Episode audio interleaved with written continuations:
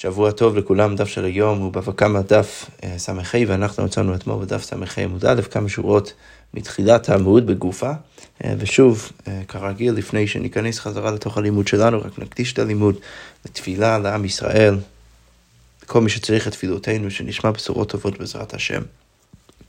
אה, אנחנו אתמול ראינו לפחות חלק מהממרה הזאת של רב, מה שאנחנו הולכים אה, תכף לצטט, אה, וראינו את זה דרך הדיון דיון מאוד מאוד רחב וארוך סביב השאלה איך אנחנו באמת יכולים לדעת שגם הגנב עצמו וגם הטוען טענת גנב צריכים לשלם תשלומי כפל. ובסוף, לפחות לאחת מהשיטות, הגענו לפסוק בשמות פרק כ"ב פסוק ג', שכתוב שם בתורה, אם הימצא תימצא בידו הגניבה, מישור עצה מישור עד חמור עד שא חיים, שניים ישלם. כך כתוב בתורה, את זה דרשנו, שזה משם שואלים מאוד, שהגנב עצמו צריך לשלם תשלומי כפל אה, על כל דבר שהוא גונב, אה, כל דבר שהוא, שהוא, שהוא מיטלטלין וגוף וממון וכל מיני דברים כאלו. יפה.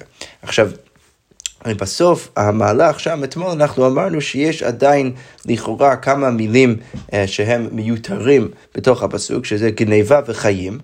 אה, אם הימצא תימצא בידו הגניבה. ובסוף הפסוק כתוב חיים, והשאלה היא מה ללמוד מאותם המילים. עכשיו, אה, אה, אז, אז לזה הגמרא תרצה ואמר לשיטת רב ש, שאפשר להשתמש במילים האלו כדי ללמוד את ההלכה של רב, שצריך להחיות את, את הקרן ולהגיד שכשהגנב משלם חזרת הקרן הוא צריך לשלם כעין שעת הגניבה. עכשיו, אנחנו עוד ניכנס לזה אה, שוב בתוך הממר כאן של רב, אבל בעצם האמירה כאן של רב זה שלמרות שבן אדם גנב משהו והערך של הדבר הזה השתנה עם הזמן, עכשיו שהוא חוזר ומשלם חזרה את הקרן לבעל החפץ, אז הוא צריך לשלם תמיד לפי הערך. של השעת הגניבה. יפה. עכשיו, זה, זה, זה רק הרקע למה שראינו אתמול, למה שאנחנו ניכנס אליו היום. עכשיו אנחנו בעצם ניכנס לממרו של רב לגופו של עניין, והגמר אומר ככה, גופה אמר רב, קרן כאין שגנב. כשהגנב משלם את הקרן חזרה לביילים, אז הוא צריך לשלם כאין שגנב כשעת הגניבה. אבל תשלומי כיפה ותשלומי ארבע חמישה, כשהוא משלם את הקנסות, בין אם זה אה, התשלומי כיפה או תשלומי ארבע חמישה, אם הוא טבח או מכר. או מכר את, את החפץ או את הבהמה, אז הוא צריך לשלם כשעת העמדה בדין. אוקיי, אז עכשיו הגמרא רק שואלת מה הייתה מדרב, מה, מה הסיבה של שיטת רב, למה הוא אומר את מה שהוא אומר. אז הגמרא אומרת, אמר כל זה ראינו אתמול, גניבה וחיים, כתוב בתורה, שמות פרק כ"ב פסוק ג', כתוב גם גניבה, כתוב גם חיים, ושני המילים האלו מיותרים. אז הגמרא אומרת, מייקל אומר רחמן החיים בגניבה, אז זה בטח מלמד אותי, יהיה לו קרן כאין שגונב, צריך להחיות את הקרן. ולהגיד שהביילים צריכים לשלם כשעת הגניבה, ועל פי זה הוא צריך לשלם, ולא על פי שעת העמדה בדין. אוקיי, אבל הגמרא אומרת, אמר רב ששת אמינא, כי נוי ושכיב רב, אומר להשמטתו, כשבטח רב אמר את אותה הממרה שלו כשהוא שכב. שהוא, אה, שהוא היה בשינה, שהוא ישן. למה? כי זה בטח לא מסתדר, לא מסתדר עם הקורות שיש לנו. דתניא כתוב בברייתא, כחושה והשמינה. מה קורה אם הגנב גנב בהמה, והבהמה הייתה בהמה מאוד אה, כחושה ורזה, והשמינה והגנב נתן, לו, נתן לה מלא אוכל, ו, ו, ו, והוא, דרך, ה, דרך האוכל שלו, השמין את הבהמה, היא עכשיו נהיית אה, אה, שמנה וטובה. אז במקרה הזה כתוב בברייתא, משלם תשלומי כיפה ותשלומי ארבע וחמישה כאין שגנב. אה, אנחנו אומרים כאן שה, שהגנב צריך לשלם תשלומי כיף או תשלומי ארבע וחמישה, לא כשעה תעמוד בדין, כמו שאמר רב, אלא כאין שגנב. אז מה קורה פה? אז כמו אומרת, אמרי זה, זאת לא קושייה, למה? כי מה אפשר להגיד? משום דאמר לי, הגנב במקרה הזה יכול להגיד, אנא פתימנה, ואת שוקולד, אני השקעתי כסף, אני השקעתי אוכל בבהמה הזאת, ועכשיו אתה רוצה שאני אשלם תשלומי ד' וחמישה או תשלומי כפל כשעת העמוד בדין, בגלל שאני השקעתי בזה כסף? ברור שלא, זה הכסף שלי. ולכן אני לא צריך לשלם אה, את הדל אה, וחמישה או התשלום היקף כשעת המלא בדין, אני צריך לשלם רק על פי שעת הגניבה. ולכן באמת במקרה, במקרה הזה הוא משלם כפי שעת הגניבה, וזה לא מקשה על רב, למרות שבדרך כלל הרב יגיד שתשלום היקף ותשלום ארבע וחמישה צריך לשלם רק כשעת המלא בדין. כאן יש דין מיוחד שצריך לשלם רק כאין שגנב. אוקיי, אבל הגמרא ממשיכה ואומרת, תשמע בואו נסתכל בברייתא הבאה, כתוב בברייתא אחרת, שמנה והכחישה, המקרה ההפוכה, שהבהמה הייתה שמנה והגנב היכה את הבהמה מלא, עד ש, שהוא הכחיש את הבהמה ועכשיו היא נהייתה בהמה מאוד מאוד חלשה ורזה. אז במקרה הזה גם כן, מה אני אומר? משלם תשלומי כפל ותשלומי ארבע וחמישה כאין שגנב. הוא צריך לשלם תשלומי כפל, תשלומי ארבע וחמישה גם כן כאין שגנב. הרי לכאורה גם כן סותר את רב. רב אמר שצריך לשלם תשלומי דל וחמישה כאין, או כשעת עמוד בדין ולא כאין שגנב. למה פתאום כאן אנחנו אומרים שהוא צריך לשלם כאין שגנב? אז הגמרא אומרת לו, גם כאן אפשר לתרץ ולומר, הטום נמי, משום דאמרינן לי, אפשר להגיד לביילים, מה לי קטלה כולה, מה לי קטלה פלגה. אה, אפשר להגיד לביילים שאנחנו יודעים שכשבן אדם הורג את הבהמה, כשהוא שוחט את הבהמה, אז הוא צריך לשלם תשלומי דל וחמישה. עכשיו, השאלה, השאלה היא מה נחשב הריגת או שחיטת הבהמה, האם זה באמת הריגת הבהמה ממש, באמת שאתה שוחט את הבהמה, או האם אתה יכול בעצם להגיד שתהליך של השחיטה התחילה כבר מתחילת התהליך, שבו הגנב הכחיש והיכה ועשה כל מיני דברים לבהמה לפני כן. אולי אפשר לטעון ש- שאין הבדל בין קטלה כולה לבין קטלה פגה. ולכן מה אני אומר? אני אומר שבעצם אין פה שום שינוי בערך של הבהמה.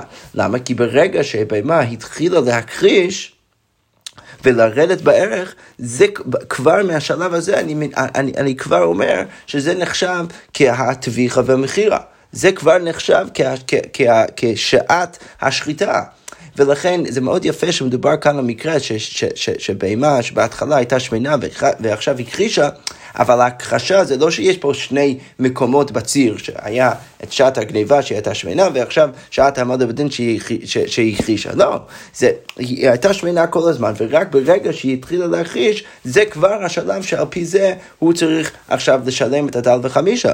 ולכן אני אומר באמת במקרה הזה, שהוא צריך לשלם כאין שגנב, כי אין פה באמת שינוי בערך. אבל הנה חינמי, אם באמת היה פה שינוי בערך, אז הייתי אומר, הייתי אומר הפוך, הייתי אומר שתשלומי כפל ותשלומי דל וחמישה היה צריך להיות כמו רב, צריך לשלם על פי שעת העמדה בדין. אז הגמרא אומרת שוב, שאפשר לטעון ככה נגד הבעלים, לקט לה כולה, מה לקט לה פלגה, כי כאמר רב, כשרב אמר את מה שהוא אמר, ביוקרא וזולה הוא דקאמר, הוא לא דיבר על מקרה שהגנב התערב בתוך החיים של הבהמה, אלא מדובר על מקרה רק שהערך של הבהמה, לפי השוק וה, וה, והמחיר של הבהמה בשוק, זה, זה הדבר שהשתנה. הרב דיבר על המקרה הזה, ורק שם הוא יגיד את מה שהוא אמר, ולא כמו המקרים המופיעים בשתי הברייתות שציטטנו עכשיו. אוקיי, אז עכשיו אבל עדיין הגמרא מנסה להבין עוד יותר את שיטת רב. היכי דמי, איך, מה בדיוק המקרה?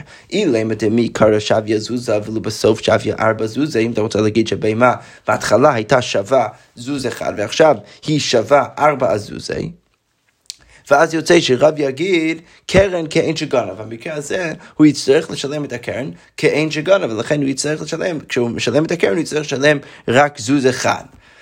אבל אם רב באמת אומר את זה, אז למה פליגה די רב? עדי רבא לכאורה משמע מזה, שרב חולק על רבא דאמר רבא, רבא אמר, היי מן דגזל חבית דחמר חבי, בן אדם גזל חבית של יין מי חברו, מעיקר השב יזוזה, ולבסוף שביה ארבע זוזי. אז מה המקרה? המקרה בדיוק כמו המקרה שלנו, שבהתחלה החבית הייתה שווה זוז, ועכשיו היא שווה ארבע זוזי. עכשיו, רבא בא ואומר שאם תברה או שתיה, אז משלם ארבע. אם הגנב שבר או, או שתה את ה... את, ה, את החבית של יין, אז הוא צריך לשלם כפי הערך של עכשיו, הוא צריך לשלם, לשלם ארבע. עכשיו, הגמרא באה ומציעה, מסבירה את שיטת רבא שמה, שבעצם מה צריך להגיד? צריך להגיד שכשהגנב גונב משהו, ובמקרה הזה הוא גונב את החבית, אז הוא לא קונה את החבית, עדיין החבית נמצאת ברשותו של הביילים. ולכן כשהחבית עולה בערך, אז היא לא עולה בערך בתוך רשותו של הגנב, היא עולה בערך בתוך רשותו של, ה, של, של הביילים, ולכן כשהגנב מגיע אקטיבית ושובר את החבית או שותה את החבית, אז הוא צריך לשלם, אז בעצם אנחנו מסתכלים על אותו רגע כהרגע של הגניבה, זה הרגע שבו הוא באמת גנב את החבית, כי אחרת הוא היה יכול פשוט להחזיר את זה. עכשיו הוא כבר לא יכול להחזיר את זה הרגע של הגניבה, ולכן על פי זה הוא צריך לשלם, הוא צריך לשלם. אה, אה, הוא צריך לשלם ארבע עזוזה, הוא צריך לשלם את, את הערך של הדבר עכשיו ולא מהרגע שהוא גנב את זה. אוקיי, אבל אם זה, אה, אה, אם, הגמרא אומרת, אם איתבר ממילא, אם החבית נשברה בעצמה, אז משלם זה צריך לשלם רק כפי הרגע שהוא גנב. אבל איך שזה לא יהיה, מה אני רואה? אני רואה שבאמת במקרה הזה, למרות שעכשיו החבית עלתה בערך, ורק עכשיו היא הפכה להיות דל זוז. אני אומר שאם הוא מגיע עכשיו, הגנב, ושובר, שותה את החבית, אז הוא צריך לשלם הוא צריך לשלם לפי הערך של עכשיו, ולא כאין שגנב, כמו שרב אמר, שהוא צריך לשלם אז רק זוז אחד, אלא הוא צריך לשלם ארבע זוזי. זה לכאורה חולק על רב. אז הגמרא אומרת לא, באמת אפילו במקרה הזה רב יודע ויסכים עם רבא שצריך לשלם כפי הרגע שבו הוא באמת גנב את זה, ולכן הוא צריך לשלם דלת זוזי ולא רק זוז אחד. אז מתי באמת רב אמר את מה שהוא אמר?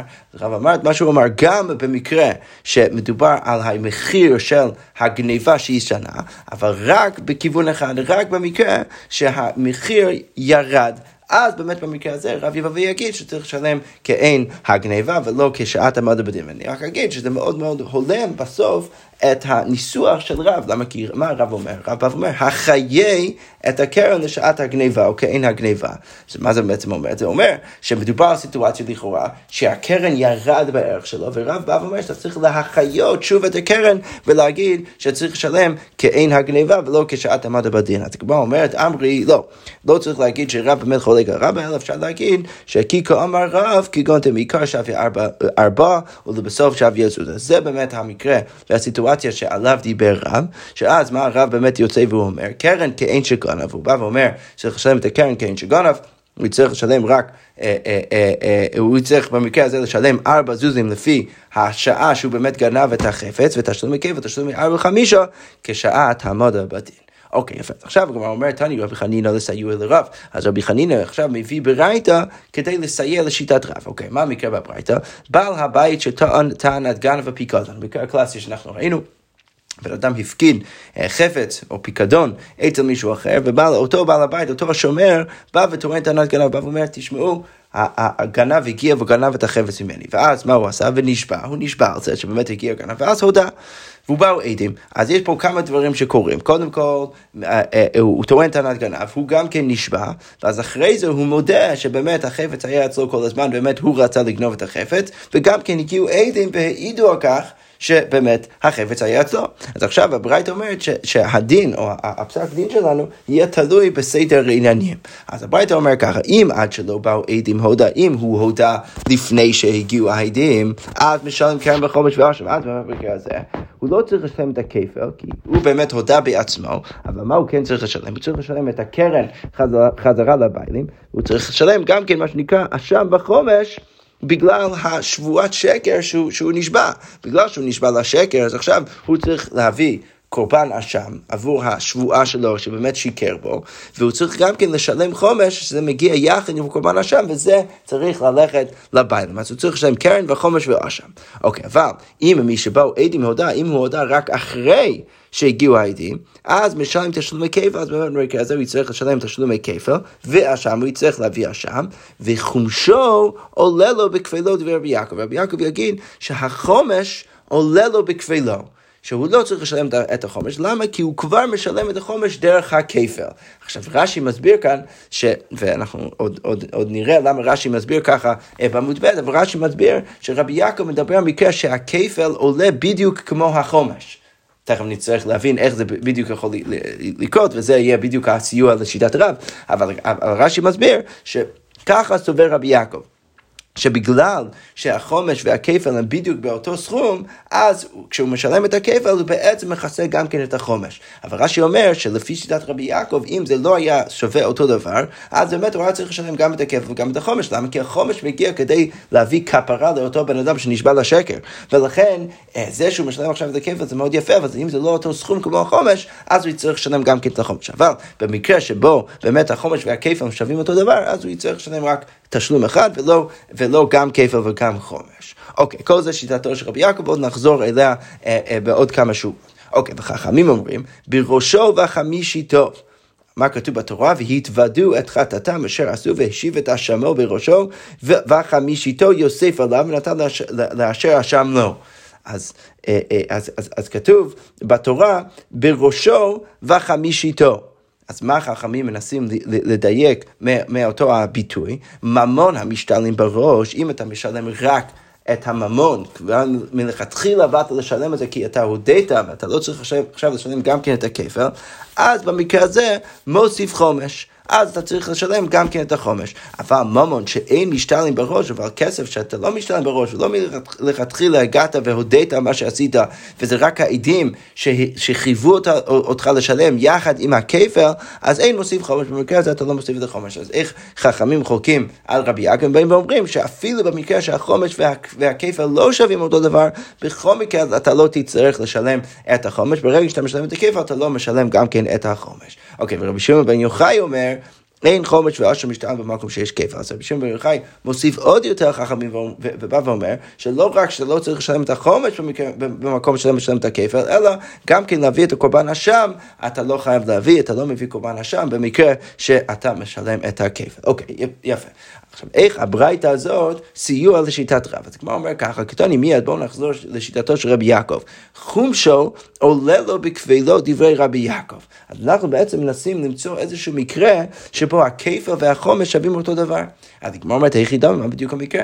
אילמה דמעיקרא שוויה ארבעה ולבסוף שוויה ארבעה, אם אתה רוצה להגיד שהחפץ היה בהתחלה שווה דלת זוזים ועכשיו הוא גם כן שווה דלת זוזים, אז חומשו עולה לו זה, זה לא נכון. איך יכול להיות שהחומש הוא שווה לכפל, אחרי כמה הכפל? כפלה זה צריך להיות עוד פעם בדיוק אותו ערך של הדבר, אז כפלה ארבעה וחומשו זוזה. מה שנקרא חומש מלבד. שזה יוצא שאתה צריך לשלם את אה, אה, אה, רבע מהתשלום, כדי שאם אתה מוסיף את זה לתשלום שלך, זה יצא חומש. אז, אז לכן, אם החפץ הוא שווה ארבע, אתה משלם עוד זוז, אז יוצא שבסך הכל שילמת חמישה זוזים, ש, שחמ, ש, שחומש מזה, זה, זה הזוז ששילמת עבור החומש. אבל איך שזה לא יהיה, הרי כאן הכפל וה, והחומש הם לא אותו דבר. אלא לאו, מה בטח צריך להגיד? אם עיקר שוויה ארבע, ולבסוף שוויה זוזה. צריך להגיד שמלכתחילה... מלכתחילה החפץ היה שווה ארבע, ובסוף הוא שווה זוז. ואז יוצא שמה? דקבי לזוזה וחומשה זוזה. למה? הכפל הוא זוז, למה? כי אתה משלם לפי, בכפל אתה משלם, כמו שרב אמר, כפי שעת עמד בדין, ועכשיו זה שווה רק זוז אחד, לכן אתה צריך להוסיף רק עוד זוז כדי לשלם את הכפל. והחומש, הוא לפי הערך של הקרן. עכשיו, מה זה הערך של הקרן? רב אמר, וכך משמע באמת מרבי יעקב, שזה צריך להיות כעין הגניבה, שזה היה שווה ארבע, ולכן אני מוסיף עוד, עוד זוז אחד. כדי שיהיה את החומש. עכשיו יוצא באמת במקרה הזה שהכיפה והחומש הם שווים אותו דבר. עכשיו מה משמע מזה? בדיוק כמו רב, שאני בעצם מגדיר את הקרן לפי כעין הגניבה, ואני מגדיר את כשעת עמד בדין. אז כמו אומרת בדיוק את זה, עלמא קרן כעין שגנב, תשלומי כפל, תשלומי דל וחמישה, כעין אה, כשעת עמד בדין.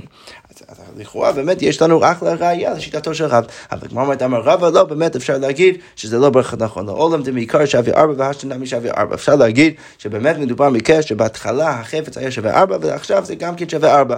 אה, רגע, הוא דקקשיא כפי ארבע וחומשי זוזה, אבל רגע, זה יוצא שזה לא אותו דבר. רבי יעקב באמת דיבר על מקרה שבו הכפל והחומש שווים אותו דבר, אבל כאן הכפל הוא דלת זוזים והחומש הוא רק זוז אחד. אז כמו אומרת, אחר רבי בא ואומר, כגון שנשבע וחוזר ונשבע ארבע פעמים. מדובר במקרה שהוא נשבע ארבע פעמים, זה אחר זה. ואז בסוף הוא הודה על הכל.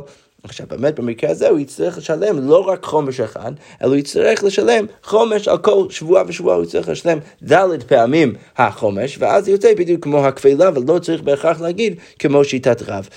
אז כמו אומרת שבאמת במקרה הזה, והתורה אמרה והחמישי תו. אז מה, מה, איך אני דורש את המילה וחמישי תו? אז כי, כי באמת זה מנוסח בלשון רבים, אז כמו אומרת, התורה ריבתה חמישיות הרבה בקרן אחת, שיכול להיות שאם אתה נשבע פעם אחר פעם, אתה תצטרך לשלם חומש על כל פעם ופעם, ואתה לא תהיה, אה, אה, אה, ואתה לא תהיה פטור אה, מכל אחד ואחד, אתה תצטרך לשלם כל פעם ופעם. עכשיו, אם אני אומר את זה, אז רבא באמת מנסה, הוא, הוא מצליח למצוא סיטואציה שבו באמת אתה, אתה יכול להגיד שהכפל הוא שווה בדיוק לחומש, למרות שאנחנו לא מעמידים את זה. זה כמו שיטת רב, ולכן באמת רב בא ואומר, אין בהכרח סיוע מהברייתא שיטת רב, אה, אמ, ואנחנו לא בהכרח צריכים להגיד שרבי יעקב הסכים עם שיטת רב. אוקיי, עכשיו אם כבר אנחנו הסתכלנו את הברייתא, אז כמו עכשיו אומרת, אמר מר, וחכמים אומרים בראשו וחמישיתו. עכשיו, מה החכמים דרשו? ממון המשתלם בראש מוסיף חומש, ממון שאין משתלם בראש אין מוסיף חומש, אבל לא שמעתי, אבל כן צריך להביא את האשם. עכשיו הגמרא אומרת, מה ישנה חומש דלא משלם? למה את החומש לא צריך לשלם? דכתיב בראשו וחמישיתו. אה, אבל אשם נמי לא משלם דהכתיב בראשו וחמישיתו ואת אשמו. אם אני קופץ לפסוק אחר, אז כתוב בויקרא פרק ה', או מכל אשר יישבע עליו לשקר ושילם אותו בראשו וחמישיתו, שם הביטוי בראשו וחמישיתיו, אה, אה, ואפשר באמת אה, לדרוש ככה כמו שדרשו חכמים, ובדיוק בפסוק הבא כתוב ואת אשמו יביא. אז, אז, אז לכאורה מה צריך להגיד? אם אני אומר לגבי החומש שלא צריך לשלם, אז תגיד אותו דבר גם כן לגבי האשם, כי יש איזשהו חיבור בין, בין, ה, בין החומש לבין האשם, הרי כתוב, הכלומר אומרת, גם כן לגבי האשם, נמי לא משלם, הוא לא יצטרך להביא את האשם, למה דהקתי בראשו וחמישיתה ואת אשמו, בדיוק בפסוק הבא כתוב את אשמו. אז הכלומר אומרת, לא אמרי לך רבנן, חכמים יגידו את פסקי קרא, כשכתוב ואת אשמו, זה כבר מפסיק. זה מפסיק בין, זה עושה איזשהו הפסק בין החומש וה, וה, והאשם, אפשר להגיד שאת החומש הוא לא יצטרך לשלם במקרה שהוא, שהוא משלם את הכפל, אבל את האשם הוא צריך להביא. אוקיי, ורבי שמעון בן יוחאי, מה הוא יגיד? ואת ערבי קרא, כשכתוב ו', אז אתה צודק שאולי העת מפסיק ביניהם, אבל כשכתוב ואת, אז זה כבר מחבר אותם חזרה, ולכן צריך להגיד שכמו שהוא לא משלם את, ה, את החומש, אז הוא גם כן לא מביא את הקורבן אשם. אוקיי, ורבנן עמי לך, הם יגידו לא לכתוב רחמנה לא ו' ולא את, אל תכתוב לא את זה ולא את זה, ותכתוב רק אשם, אם באמת רצית לחבר אותם ביחד, אז אל תכתוב שום דבר שמפסיק ביניהם. ואז באמת הייתי אומר שיש להם אותו דין. אבל זה שכתוב את, מאוד יפה שכתוב אחרי זה ואת, אבל זה שכתוב את זה כבר מפסיק ביניהם, ולכן, אה, ולכן אני אומר שאת החומש לא צריך לשלם, אבל כן צריך להביא את הקורבן השם. אבל רבי שמעון בן יוחאי אמר לך, הוא יגיד לך, את לא סגד לא כתב. לא, אתה לא היית יכול לא לכתוב את. את העת היית צריך לכתוב.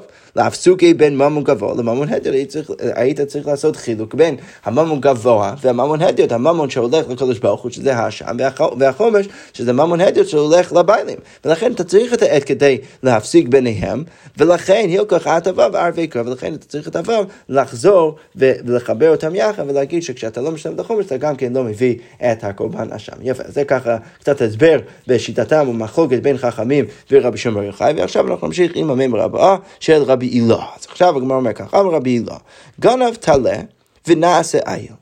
עגל ונעשה שור. אז בן אדם גנב טלה, שאחרי קצת זמן הוא הופך להיות איל, ועגל ונעשה שור, אז נעשה שינוי בידו. אז רבי הילה בא ואומר שקרה שינוי בגוף של הבהמה מתחת ידו של הגנב, ולכן מה? הוא קנאו, ולכן הגנב קנה את החפץ. עכשיו, זה לא אומר שלא צריך לשלם חזרה את, את הקרן לבית, ברור שהוא צריך להחזיר את מה שהוא גנב.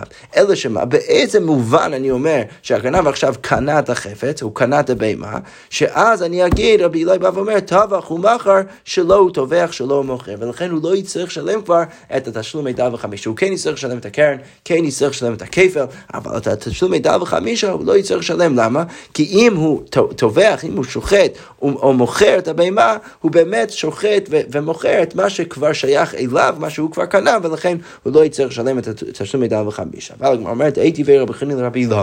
רבי חנין בא ומקשה על שיטתו של רבי הילה, בא ואומר ככה, גנב טלה ונעשה איל, עגב ונעשה שור, בדיוק המקרה שלנו, משלם תשלום כיף מידע וחמישה, כי אין שגנב. רגע, לכאורה משמע במפורש.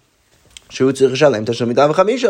הגמרא אומרת ואיסק אותה קני בשינוי, אם רציתי להגיד שהוא באמת כבר קנה את הבהמה בשינוי, אז המים משלם? למה אני אומר שהוא צריך לשלם את השמיטה וחמישה, שלא הוא טובח שלא הוא מוכר, אתה רצית להגיד רבי הילה שהוא כבר טובח ומוכר את שלו, ולכן לא יצטרך לשלם את השמיטה וחמישה, וזה לא מה שכתוב בברייתא, בברייתא כתוב במפורש שהוא צריך עדיין לשלם את זה. אז הגמרא אומרת, אמר לי, אז רבי הילה חוזר ואומר לרבי חנינא, ואלא מים, מה אתה רוצה להגיד? שינוי לא קני? אתה רוצה להגיד שהשינוי לא לא קונה, המים משלם כאין שגנב, לשלם כי השתא. רגע, אבל אם אתה רוצה להגיד שהשינוי לא קונה, אז יוצא שבכל מקרה יש משהו מוזר בברייתא. למה? כי מה אני אמרתי בברייתא? בברייתא כתוב שהוא צריך לשלם תשלומי קבע לתשלומי ארבע וחמישה כאין שגנב.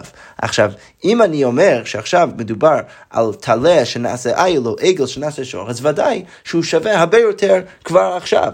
עכשיו, אם אתה רוצה להגיד שהוא לא קנה, הגנב לא קנה בכלל את החפץ, אז היית צריך להגיד שהוא, שהוא צריך לשלם את התשלום מדע וחמישה או תשלומי כפל כפי הערך של הדבר עכשיו. גנב, כי הוא לא קנה את זה, זה עדיין, זה הכל עכשיו עלה בערך בתוך רשותו, או מתחת רשותו של הביילים הראשוניים. ולכן אתה תצטרך לשאול, אם באמת אתה לא קנית את זה בכלל, אז היית צריך להגיד בברייתא שאתה צריך, שהגנב צריך לשלם כי השתה, כפי הערך של הדבר עצמו. למה פתאום אתה בא ואומר שהוא צריך לשלם רק כאין שגנב? עכשיו, לכאורה, רבי לא יגיד, זה שצריך לשלם כאין שגנב, אז באמת משמע מזה ש, שרק מהתשלום הזה, רק מה, מהרגע הזה הוא צריך לשלם, אבל אחרי זה שכבר הטלה הפך להיות איל והעגל הפך להיות שור, כבר הגנב קנה את זה ולכן הוא לא יצטרך לשלם כפי הערך היותר גבוה. אז כמו אומרת, אמר לי, לא, כי השתא, היינו תימא דלא משלם. למה הוא לא משלם כי השתא, כפי הערך של עכשיו, משום דאמר לי, בגלל שבסוף הגנב יכול להגיד, תורה גנבי ממך, האם גנבתי ממך שור? לא, לא גנבתי ממך שור, גנבתי ממך עגל. או דיכא גנבי ממך, האם גנבתי ממך עגל? לא, גנבתי ממך טלה, ולכן הוא לא צריך לשלם כי השתא, צריך לשלם כפי הערך וכפי הרגע שהוא גנב. אבל כן אפשר להגיד שהוא לא קנה את זה, ולכן זה בכל מקרה מקשה עליך, שלכאורה אתה רצית להגיד, אתה, לא לכאורה, אתה רצית להגיד במפורש, שלא צריך לשלם תשלום מידה וחמישה, כאן בברייתא כתוב במפורש שהוא צריך לשלם תשלום מידה וחמישה. הגמרא אומרת, רבי אלוה חוזר ואומר לרבי חנינא, אמר לי, רחמנא ליצלן מהי דייתא. אני, רחמנא ליצלן, שאתה תהיה צודק, זה ודאי לא נכון. אז אמר לי, אז רבי חנינא חוזר ואומר לו, אדרבה, חמנו ניצן מדי שתדעך, אתה הוא שלא צודק כאן, ושהקדוש ברוך הוא יציל אותנו מהשיטה שלך. אוקיי, בכל מקרה, אבל הגמרא אומרת, מה תקבל רבי זרע, רבי זרע בא ומקשה לכאורה רבי חנינא, בא ואומר, ונקנינו בשינוי השם, רגע, אפילו אם הוא לא קונה את, את, הבהמה על ידי זה שהגוף שלה השתנתה, בכל זאת בשינוי השם אנחנו אמורים אה, להגיד שהגנב קנה את זה. למה? כי פה מדובר על טלה, שהפך להיות עכשיו אייל, עכשיו אני קורא לזה משהו אחר, עגל, שנעשה שור, הפך להיות עכשיו שור. שור, ולכן בכל מקרה יש פה שינוי השם, היינו צריכים להגיד שהגנב קונה את זה. אז כמו אומרת, לא, זאת לא קושייה, למה? כי אמר רבא, שור בן יומו קראו שור, איל בן יומו קראו איל, שאפשר להגיד שלמרות שאנחנו אמרנו בברייתא שבהתחלה הוא, הוא, הוא, הוא גנב עגל, או... אה, אה, או הוא גנב טלה, בכל מקרה זה לא אומר שגם מלכתחילה לא, לא קראנו לדברים האלו שור ואיל. כבר מלכתחילה היינו יכולים לקרוא להם גם איל וגם שור, ולכן, אה, ולכן אפשר להגיד שבגלל זה הגנב לא קונה את זה אה, אה, לא קונה את זה אה, בשינוי השם. מאיפה אנחנו יודעים שבאמת לשור, אפילו בן יומו קוראים שור, כי שור בן יומו קראו שור, דכתיב, כתוב בתורה, שור או כסף או עז כי ייוולד. כבר מהרגע הראשון אני קורא לו שור, ואייל בן יומו קראו אייל, מאיפה אני יודע את זה? דכתיב פסוק מיעקב אבינו, שהוא טוען נגד לבן שהוא לא אכל שום דבר מהבהמות שלו. כתוב שם בתורה, ואלי צונך לא אכלתי. האלים הוא לא אכל, כבשים אכל, לכאורה משמע, מה, מה אנחנו אומרים להבין מיעקב, שדווקא את האלים הוא לא אכל, אבל כבשים הוא כן אכל? לא, ברור שלא, ברור. שיעקב מנסה לטעון נגד לבן שהוא לא אכל שום דבר. אז אלא, למה הוא משתמש בביטוי אלי, אלי צונך לא אכלתי, אלא לאו שמע מינו, איל בן יום הקרוב איל, שאפילו האיל הכי צעיר, יעקב אבינו בא ואומר, גם את זה אני לא אכלתי. והנה אני רואה, דרך אגב, מהפסוק, שהוא קורא לאיל, אפילו בן יומו, קורא לו כבר איל. ולכן זה כבר עונה על הקושה, אה, הקושה כאן של רבי זרע, שהגנב לא באמת היה אמור לקנות את זה בשינוי השם. עכשיו כבר אומר מכל מקום קשה. זה מאוד יפה הדיון שהיה בין רבי אלעד לרבי חנינא, האם באמת גנב קנה את זה, לא קנה את זה, למה הוא צריך לשלם אה, כאין שגנב ולא, ולא כי השתא. בכל מקרה, יש פה קושייה מפורשת על רבי אלעד, כי רבי אלעד אמר שבמקרה שהוא גנב את הלב ונעשה איל, עגל ונעשה שור, אז נעשה שינוי בידו וקנאו, ולכן אם הוא טבח ומכר, אז שלא טובר שלא מוכר, לא צריך לשלם דף וחמישה, כתוב מפורש בברייתא, לא ככה, כתוב מפורש בברייתא, איך שלא לחתוך את זה, שהוא צריך לשלם דף וחמישה. אז כמו אומרת, במקום מקום קשה, בכל מקרה יש קושייה על רבי אלעד. כמו אומרת, אמר רב ששל, אפשר לתרץ ולהגיד, המאני בית שמאי, אפשר להגיד, שהברייתא שם ליבד בית שמאי, דאמרי שבית שמאי יגידו שינו במקומו, שינו במקומו עומד, ולא כאן, שבית שמאי תמיד יגיד, שלמרות שקרה איזשהו שינוי, עדיין הדבר עומד במקומו, ולכן הגנב לא קונה. ולכן באמת במקרה הזה הגנב צריך לשלם דף חמישה, אבל רק ליבד בית שמאי, אבל עדיין רבי אלעד יכול להגיד שאני מסכים בית הלל, שינו השם קונה, ולכן הגנב לא יצטרך לשלם תשלום מידה וחמישה. אוקיי, מאיפה אני יודע שבית שמאי אומר דבר כזה? דתני כתוב בברית נתן לה בעצם לנחיתין ועשה סולת, זיתים ועשה אנ שמן, ענבים ועשה אנ יין. מה קורה בן אדם, רחמנא ליצן, הולך לזונה, ומשלם לזונה חיטין, או זיתים, או ענבים. עכשיו, הזונה השתמשה בכל הדברים האלה, ושינתה אותם.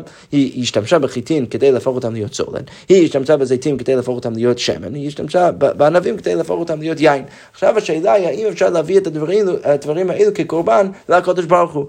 כי בעצם מה השאלה? אני יודע שמלכתחילה הדבר שמשתמש, שמשתמשים בו כדי לשלם לזונה, ברור שאי אפשר להביא את זה למקדש. עכשיו השאלה היא, ברגע שקרה איזשהו שינוי בדבר, שינוי בחפץ, האם זה, אני, אני מספיק אומר שהדבר הוא כבר לא אותו דבר, ולכן אפשר להביא את זה לבית המקדש כקורבן, אני אומר, לא, בסוף, מאיפה זה הגיע? זה הגיע מה, מה, מאותו הדבר שהשתמשו בו כדי, כדי, אה, כדי אה, אה, להשתמש בו כ, כ, כ, כתשלום לזונה, ולכן אי אפשר להביא את זה למקדש. אז הגמרא אומרת, בזה באנו למחוק בין שתי ברייתות, תני אחד האסור ותני אחד המותר.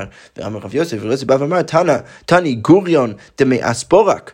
אז גוריון ממקום שקוראים לו אספורק, אז הוא בא ואמר שבית שמאי אוסרים בתל המתים. זה שיש לנו שתי ברייתות, שאחד מהם אוסרת ואחד מהם מתירה, אז, אז ההיא שאוסרת זה שיטת בית שמאי, וההיא שמתירה זה שיטת בית הלל. הנה אני רואה שבית שמאי אומר שהשינוי במקום העומדת ולא כאני, ולכן אפשר להגיד שהברייתא למעלה זה גם כן אליבא בית שמאי, אבל מה בית הלל יגידו? שהם לא, לא אומרים שינוי במקום העומדת, אפשר להגיד שהשינוי באמת, אה, אה, הוא, הוא, הוא מפעיל אה, משהו משמעותי בחפץ עצמו, הוא עובר איזה, איזה תהליך משמעותי. משמעותי, ולכן אפשר להגיד שלגבי הגנב, הוא באמת קונה את החפץ, ולכן אה, אפשר להגיד כמו רבי אלי, כשהוא, טובח ומוכר אחר כך, אפשר להגיד ש, שלא הוא טובח, שלא הוא מוכר, ולכן הוא לא יצטרך לשלם השום מתאר וחמישה. אוקיי, אז אם כבר אנחנו קצת עבר את בין בית שמאי ובית הלל, אז בואו רק נבין מה, נקודת המחלוקת ביניהם. אז כמו אומרת, מה הייתה עם בית שמאי? למה בית שמאי אומרים מה שהם אומרים? וכתיב, כתוב בתורה גם.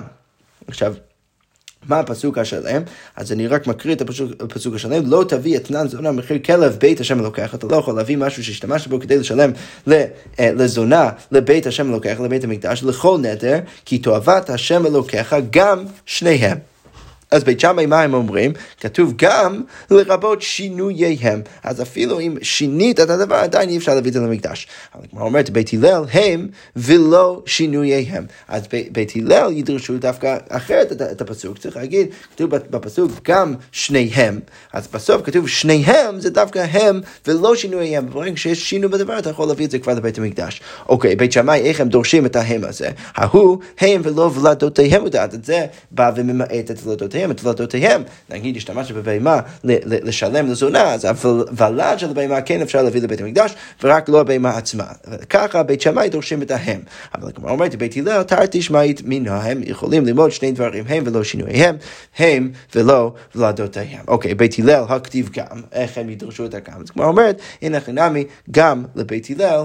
קשה, באמת הגם לבית הלל זה קשה, באמת לא ברור איך הם דורשים את זה, אבל איך שזה לא יהיה, אנחנו יכולים להגיד בכל מקרה שרבי אלוהי, כשהוא אמר את מה שהוא אמר, שאם בן אדם גנב את הלב ונעשה איל, עגל ונעשה שור, ונעשה שינו בידו וקנאו, זה אליבא דבית הלל, וזה שיש ברייתא שמקשה עליו, זה אליבא דבית שמאי, והכל בסדר גמור, אפשר לתרד את רבי אלוהי ולהגיד שהוא אה, חושב וסובר כמו בית הלל. יפה, אנחנו נעצור כאן ונשאיר רב השם עם המשך הסוגיה. שקוייך, שבוע טוב.